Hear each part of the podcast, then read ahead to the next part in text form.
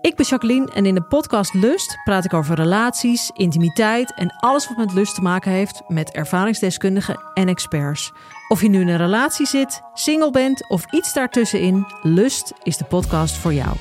Overal te beluisteren, dus ook in jouw favoriete podcast-app. Deze aflevering van Relaas die is er dankzij onze vrienden van de show. De vrienden van de show geven ons 2 euro of meer per maand, zodat wij deze podcast gratis kunnen houden voor iedereen. Welkom, Bas V. Je bent een van onze nieuwste podcastmaten. Vanaf nu krijg jij ook de VIP-behandeling. Dat betekent exclusieve verhalen alleen voor de vrienden van de show, een blik achter de schermen, ook onder de vorm van een podcast is dat, en ook een uh, hele speciale papieren- en e-mail-uitnodiging voor een echte fysieke gezellig samen zijn avond, exclusief voor onze vrienden van de show met exclusieve verhalen. Dus als je dat allemaal hoort en je denkt, oh, ik wil ook vriend van de show worden, dan surf je maar eens naar www.vriendvandeshow.be slash relaas.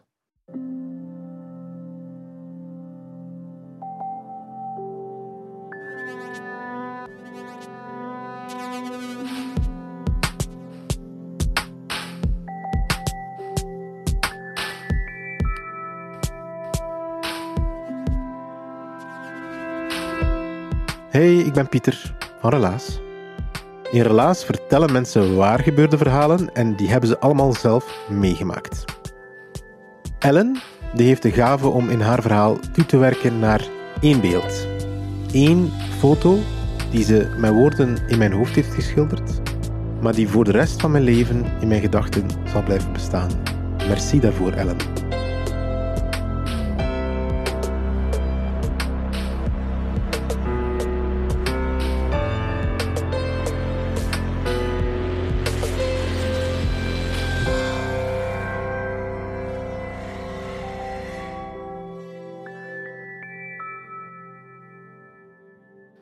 Dagelijkse professionele leven moet ik heel vaak en veel praten over totaal onbegrijpbare, serieuze onderwerpen.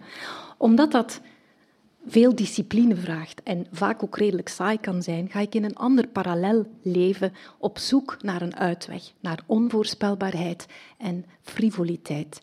Ik zou mezelf daarom heel voorzichtig hybride durven noemen. Ik houd van mengvormen, dualiteit, ik experimenteer graag en ik verleg ook graag een grens. Etymologisch gezien stamt hybride af van het Latijnse hybrida. En dat betekent zoveel als de afstammeling van een tamme zeug en een wild zwijn. Vandaag wil ik jullie een verhaal vertellen dat dateert van twee jaar geleden. Op een dag brak ik uit en stak ik een grens over van Sevilla naar Valencia. Zoals gezegd, ik word kregelig van voorspelbaarheid, discipline, routine, sleur. En op een doordeweekse dag, een dag zoals vandaag, bedacht ik, ik woon toch wel al 43 jaar lang in hetzelfde slaperige dorp. 22 kilometer buiten Gent, 4500 inwoners en één kermis per jaar op 15 augustus. Terwijl half Vlaanderen op dat moment collectief verhuisde naar het platteland, we waren in de nasleep van corona, bedacht ik hoe eenzaam het daar was. En ik zuchtte naar de stad. Niet veel later, uh, we zijn nu twee jaar in, uh, in de chronologie, niet veel later werd ik de trotse eigenares van, van 90 vierkante meter Gent. Die 90 vierkante meter waren liefde op het eerste zicht. En zoals dat gaat met een crush, kwam die spontaan, onverwacht, was het een stralende dag, bliksem bliksemschichten in de lucht, een koe de en ik viel als een blok voor de bijl. Op 15 minuten was ik hopeloos smoor verliefd. Het was een eerste kijkdag, vrijdag 12 juni 2021. Zoals gezegd, een stralende dag. En ik nam de lift, de hele smalle lift, in residentie Sevilla naar de zesde verdieping. Ik baden in een aura van licht. Zoals gezegd, de zon scheen. Ik dronk goedkope cava uit plastic glaasjes van Imo-makelaar Alejandro. En ik wandelde naar het terras.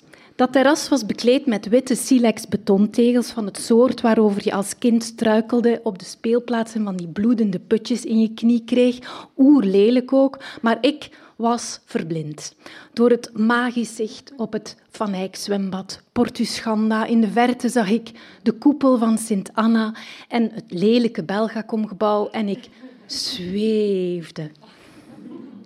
Op dat moment was ook mijn man aanwezig, gelukkig complementair nuchter. Hij deed de factcheck. Op 15 minuten werd de waterleiding gecontroleerd, de gasleidingen, de meterkast, vochtplekken, lekken allemaal gedisciplineerd en gecontroleerd. Maandagmiddag voor, ten laatste maandag, voor drie uur moeten biedingen binnen zijn, zei Alejandro onder gesloten envelop. Ik wist begot niet wat een bieding onder gesloten envelop was en ik had twee en een half dagen om dat uit te zoeken. Maar ik schoot als een kurk uit de fles.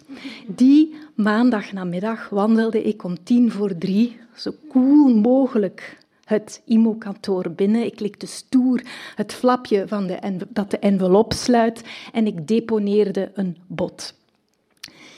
Nog een uur later, ik zat trillend op een bankje in het Zuidpark, kreeg ik een telefoon van Alejandro dat ik het hoogste bod ingediend had op 5000 euro na. Kutching. Een, um, ja, een uh, nog geen vier. Ja, je, je kan het. Ik ben 50 plus, dus je kan dit verhaal gerust toeschrijven aan een midlife-crisis.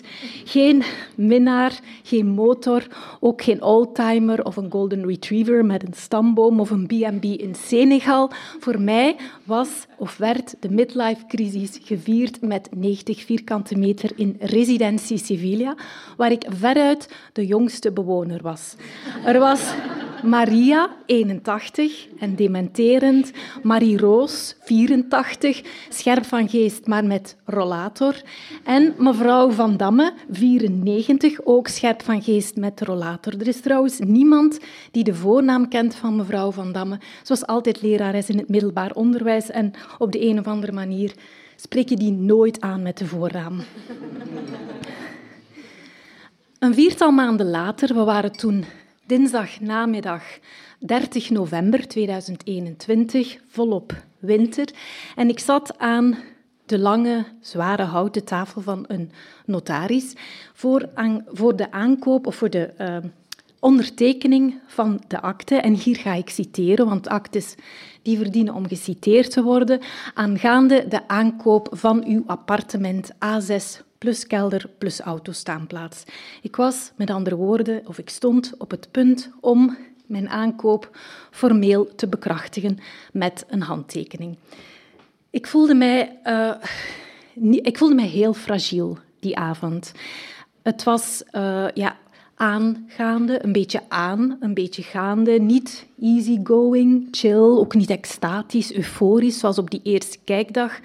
Ik keek naar een scherm op de muur waarop de huidige eigenares van de 90 vierkante meter vanuit Spanje um, een beetje nors, een beetje verveeld de geplogenheden onderschreef. En ik tekende op mijn beurt.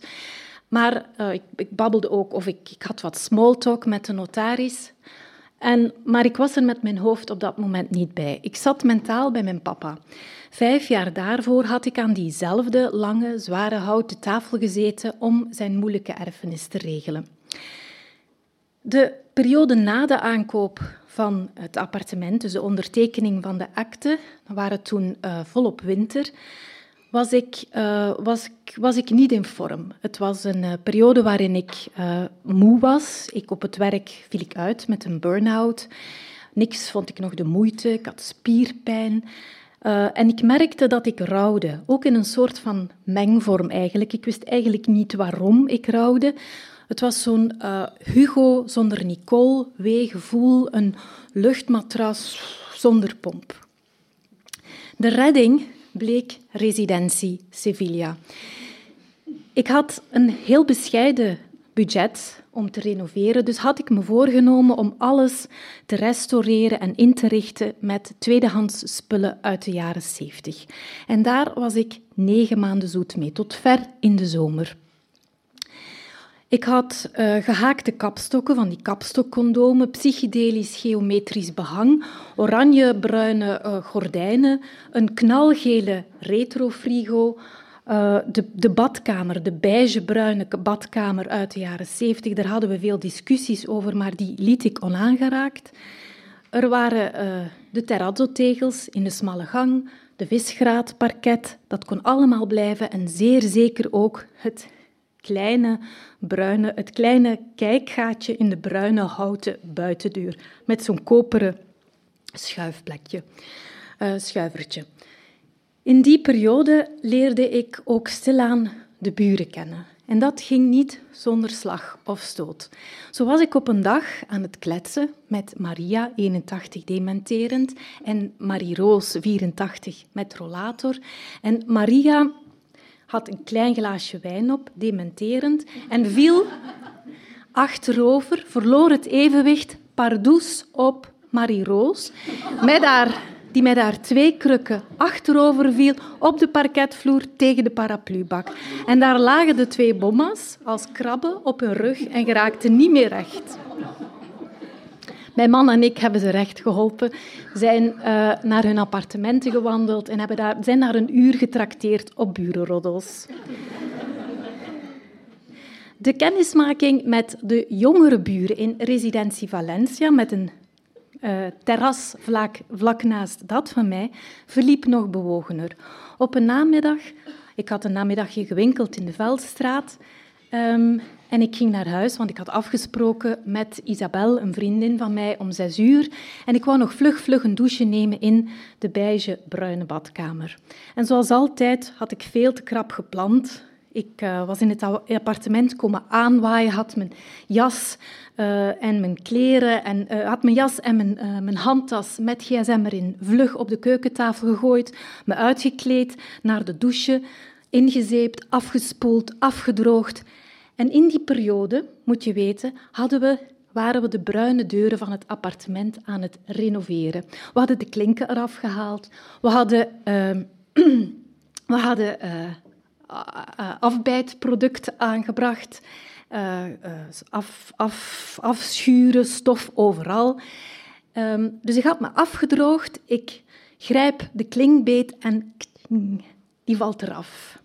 Ik zit vast op de zesde verdieping, zonder gsm, zonder schoenen, zonder kleren, met alleen een smal raampje op twee meter hoog dat uitkeek op de achterkant van de residenties en op de hoge, grote ramen van het Sint-Livis College.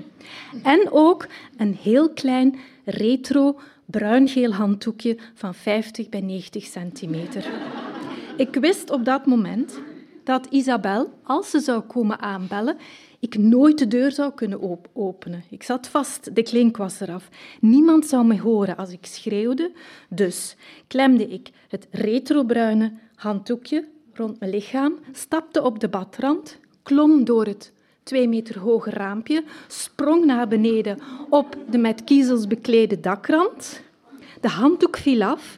Het, Sint-Liefes College telt meer dan duizend leerlingen. Op dat moment moest ik een rationele, weloverwogen keuze maken. Naar links of naar rechts. Naar links woonde mevrouw Van Damme, 94, met rollator. Ik wist dat hij op dat moment zeker aan het indommelen zou zijn bij blokken, plus ik vreesde voor een hartinfarct. Naar rechts was de grote stap in het ongewisse. Daar, het enige wat ik ooit gehoord had, was een jonge man op het terras vlak naast me die aan het zingen was met een gitaar. Maar er moest niet getreuzeld worden. Ik klemde mijn handdoek vast. Op blote voeten over de kiezelstenen ging ik richting Valencia. Aan de achterkant, aan de achterkant van het gebouw was de jonge buurman gelukkig aan het koken in zijn kleine appartementje.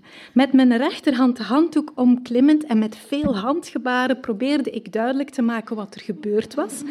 De jonge buurman stelde gelukkig geen vragen.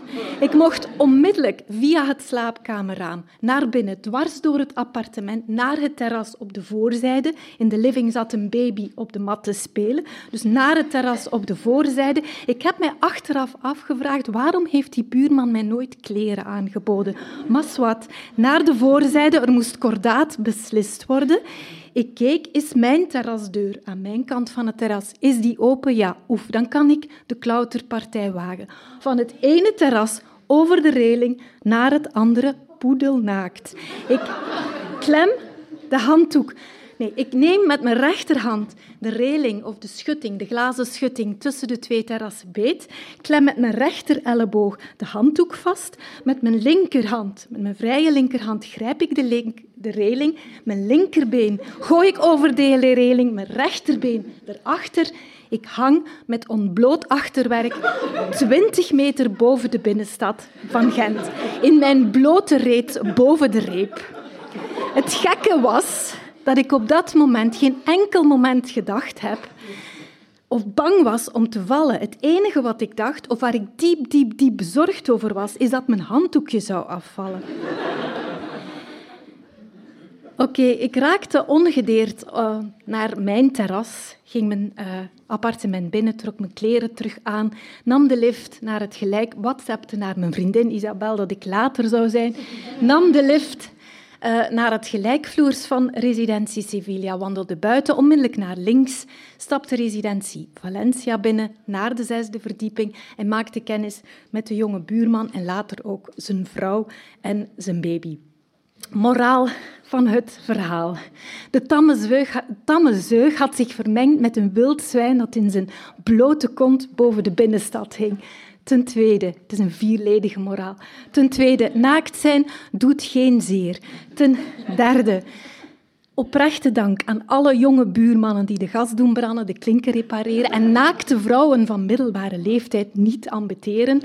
En ten vierde, de snelste weg van Sevilla naar Valencia is te voet. En die, is voortaan, die route is voortaan ook opgenomen in Komoot, Waze en Google Maps.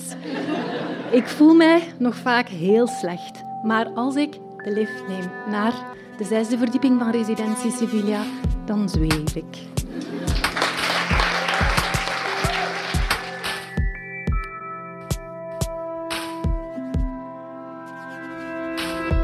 Dat was het relaas van Ellen. Ze vertelde het in Gent, het was in Huzet, in november van 2023.